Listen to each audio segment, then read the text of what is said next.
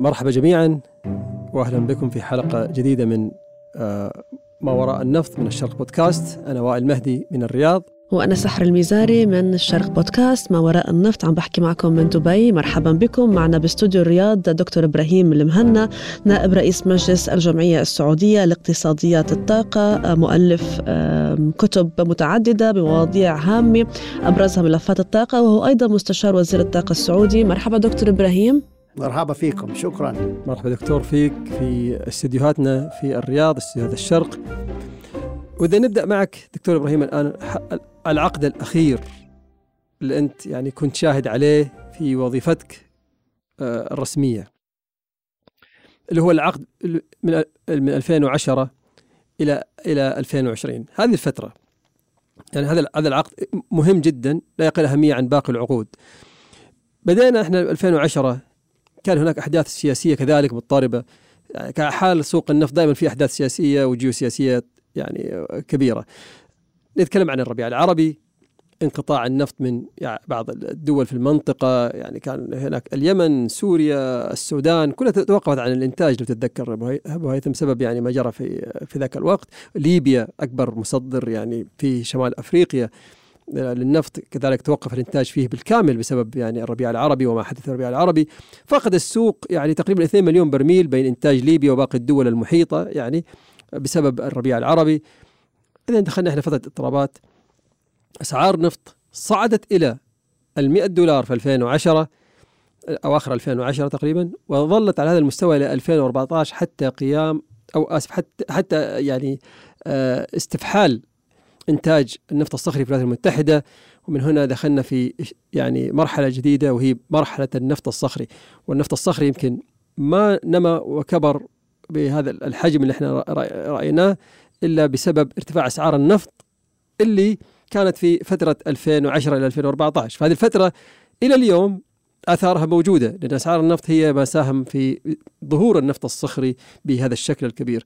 فدكتور آه، لو تحدثنا الآن شلون كانت الفترة هذه صعبة يعني عليكم؟ نذكر كان موضوع التشكيك في الطاقة الإنتاجية للمملكة كان يعني الأبرز في عام 2012 وخصوصا يعني كان هناك توترات جيوسياسية مع إيران ومن ثم ارتفعت أسعار النفط وكان اتخذت أوبك قرارات كثيرة بالإبقاء على أسعار النفط مرتفعة وهو ما أضرها لاحقا.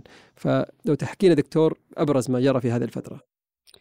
ال طبعا الفترة هذه مرت فيها أحداث بترولية هامة جدا جدا. أما مسألة الربيع العربي فان تأثيره محدود؟ صحيح ليبيا كانت تنتج حوالي أقل من مليونين برميل يوميا وتوقف إنتاجها ولم يتوقف كلية كان يتذبذب آه، آه، تقريبا. ولكن هناك عامل رئيسي في زيادة الطلب في في ارتفاع الأسعار اللي هو زيادة الطلب العالمي وبالذات من الدول الآسيوية وتحديدا الصين. كان النمو الاقتصادي في الصين قويا يصل إلى 8% أو أكثر وكان الطلب على البترول في الصين يزداد كذلك. آه، وهذا ساهم في في ارتفاع أسعار البترول. ولكن حاولنا يعني كان هدفنا استقرار السوق بالدرجة الأولى. آه، في العقد اللي التالي اللي هو 2010 فما بعد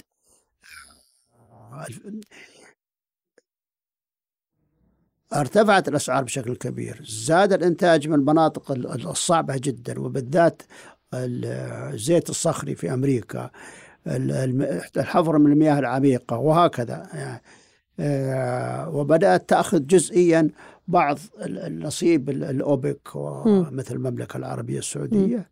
آه، وهذا ما ساهم وكان فيه اعتقاد من آه، مع الوزير علي النعيمي إضافة إلى مصادر أخرى بما فيها وكالة الطاقة آه، الدولية أن الأسعار لو انخفضت إلى 80 دولار فإن الإنتاج من المناطق الصعبة والمناطق سينخفض. هذا الاعتقاد الذي حصل. إضافة إلى ذلك عندما بدأت الأسعار تنخفض في 2014 و15 كانت الدول المنتجة الأخرى مثل روسيا رافضة التعاون معنا بأي شكل من الأشكال. هذه كلها ساهمت في تحولات مختلفة.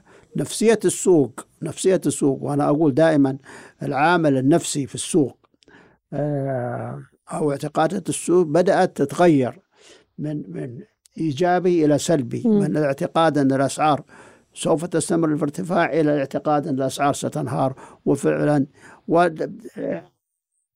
وساعد في نفسية السوق وتغييرها بعض التصريحات اللي صدرت من بعض المسؤولين في الأوبك مم. ومن هنا بدأت مرحلة الانهيار في طيب 2000 و...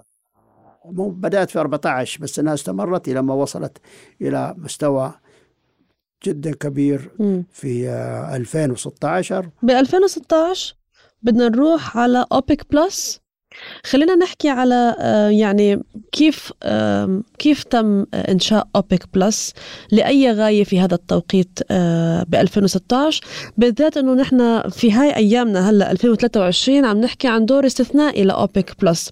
وبالتالي قبل ما نوصل لأيامنا في حلقات مقبلة آه، من بودكاست آه، ما وراء النفط مع حضرتك دكتور المهنا حدثنا عن 2016 شو كانت الحاجة وراء آه، إنشاء أوبك بلس؟ وشو الدور اللي لعبته؟ طبعا أنا أتذكر اجتماع الدوحة سحر مم. في بداية 2016 مم. كان في آه، في ابريل إبريل تقريبا 2000 2016 كنا إحنا في وهذا هذا الشيء كذلك للتاريخ مم. إحنا كنا في لقاء مع يعني آه، ولي العهد السعودي الأمير محمد بن سلمان في بلومبرج وتحدث معنا عن إن أوبك كلها لازم تجمع على قرار خفض الإنتاج. وقتها كانت إيران غير ملتزمة. أتذكر إحنا اجرينا الحوار نشرناه هبطت في الدوحة. دخلت فندق الشيراتون في في الدوحة. أول شخص التقيت فيه كان الدكتور إبراهيم المهنا. وسألني إيش قال الأمير في ال- في الحوار؟ قلت له ال- ال- الحوار كما هو منشور يعني. هو قال آه، إيران إذا يعني كل أوبك لازم تجمع. وإيران وقتها ما كانت يعني موجودة.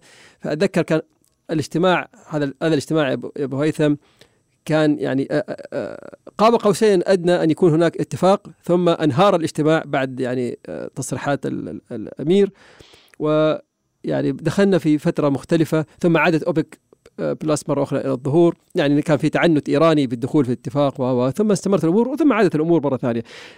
لو تحكينا عن كيف كانت هذه يعني ال- ال- البداية المتعثرة لأوبك بلس وكيف نجحت لاحقا. آه، طبعا مشكلة أنا أسميها المعضلة الإيرانية دائما الإيرانيين أحيانا يسوون مشاكل هم. الإيرانيين 2016 عندما قررت دول الأوبك وبعض الدول التي منتجة من خارجها أولا تخفيض الإنتاج ثم فكروا في لا آه، تجميد وإذا أبنى للدوحة على تجميد الإنتاج الإيرانيين قالوا لا نريدكم يجب أن يتم استثناءنا من ذلك لأن عندنا علينا مقاطعة اقتصادية وإحنا نعود ولأسباب مختلفة وال- وإضافة إلى دول أخرى ما هو فقط إيران بس إيران كانت الدولة الرئيسية ومن ذلك أنهار ال- ال- ال- الاتفاق واستمرت الأسعار في المستوى المنخفض. ثم رجع الات- آه، وبعد ذلك نعم. وهذه ترى نقطة يعني مهمة جدا آه، في 2016 اللي هو الاجتماع اجت- حصل اجتماع خلال آه، مجموعة العشرين بين سمو الأمير محمد بن سلمان والرئيس الروسي آه، بوتين في الصين وتم نعم. اتخاذ في الصين طبعا وتم اتخاذ قرار بأهمية التعاون بين الدولتين. من أجل استقرار السوق هذا بأي سنة؟ البترولية 2016 2016 2016 وبدأت هذه المرحلة مرحلة تكوين اللي ما يسمى الأوبك بلس مم. أنظمتها المعينة اجتماعات عقدناها في فيينا وخط- وتم إقرار نظام معين محدد ل ل- آه، طريقة عمل الأوبك بلس. استمر فيما بعد نعم بس أنت نفس السنة هذه يا أبو هيثم كذلك شهدت خروج علي النعيمي من الوزارة ودخول وزير جديد هو خالد الفالح. لو لو تحكينا يعني عن آه، في كتاب في الكتاب انت ذكرت أن فتره فترة علي النعيمي في, أواخرها يعني خصوصا آه، قرار 2014 وما عقب ذلك كان يعني قرار ف- يعني اتخذه بصورة فردية ما كان في مشاورات مع يعني باقي الوزراء ما كان في مشاورات يعني آه، مع- يعني جهات يعني جهات أخرى وكان في نوع ما فردية في اتخاذ هذا القرار والتمسك فيه وكان في رفض التعاون مع يعني باقي المنتجين آه، لحل أزمة السوق في ذاك الوقت. فك يعني ممكن تحكينا بها لا علي دعيبي اتخذ قرار بناء على المعلومات اللي ذكرتها. معلومات لديه معلومات من عدة مصادر وبالذات من شركة أرامكو. مم. بأن هذا هو الأفضل الخيار اللي بالنسبة لنا هذا هو نعم. في ضوء عدم تعاون بعض الدول زي ما ذكرت إيران. وروسيا في فترة من الفترات وهكذا آه، صار ال ال آه، بعد خروج طبعا علي الدعيمة بقى فترة طويلة في ال في ال شو اسمه آه، كوزير للبترول والثروة المعدنية بعد خروج علي النعيمي تم إعادة وتعيين خالد الفالح تم إعادة هيكلة الوزارة. وأصبحت وزارة البترول والثروة المعدنية والصناعة.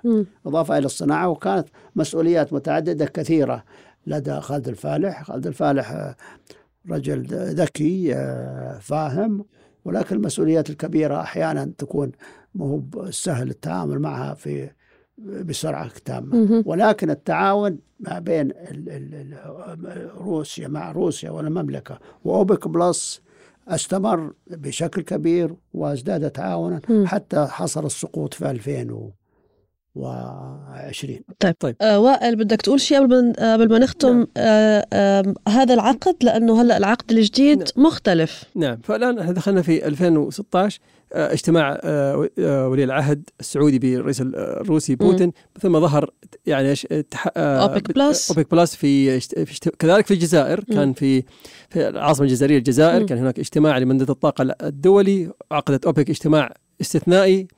يعني هو كان اجتماع عادي بعدين تحول إلى استثنائي مم. كانت كانت ومن هنا بدات أوبك اتخذت قرار بالعمل مع روسيا وباقي المنتجين. وثم دخلنا في 2017 بداية 2017 تم إنشاء أوبك بلس.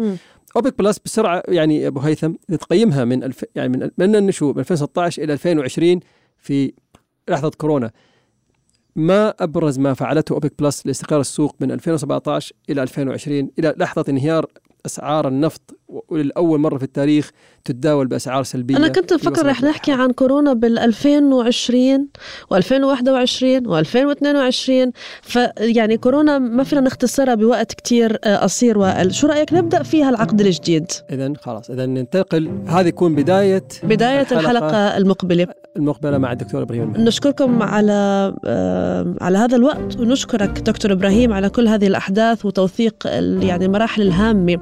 في المملكة وفي يعني الحياة النفطية وفي هذا مجال الطاقة الهام. ونوقف هون علشان نبدأ حلقة جديدة المرة المقبلة نبدأها بجائحة كورونا وتأثيرها على الأسواق. كنت معكم أنا سحر المزاري من ما وراء النفط. وأنا وائل مهدي آه، من من وراء النفط من الرياض. وشكرا وفي الحلقة القادمة نراكم معنا ضيفنا العزيز دكتور إبراهيم المهنا شكرا.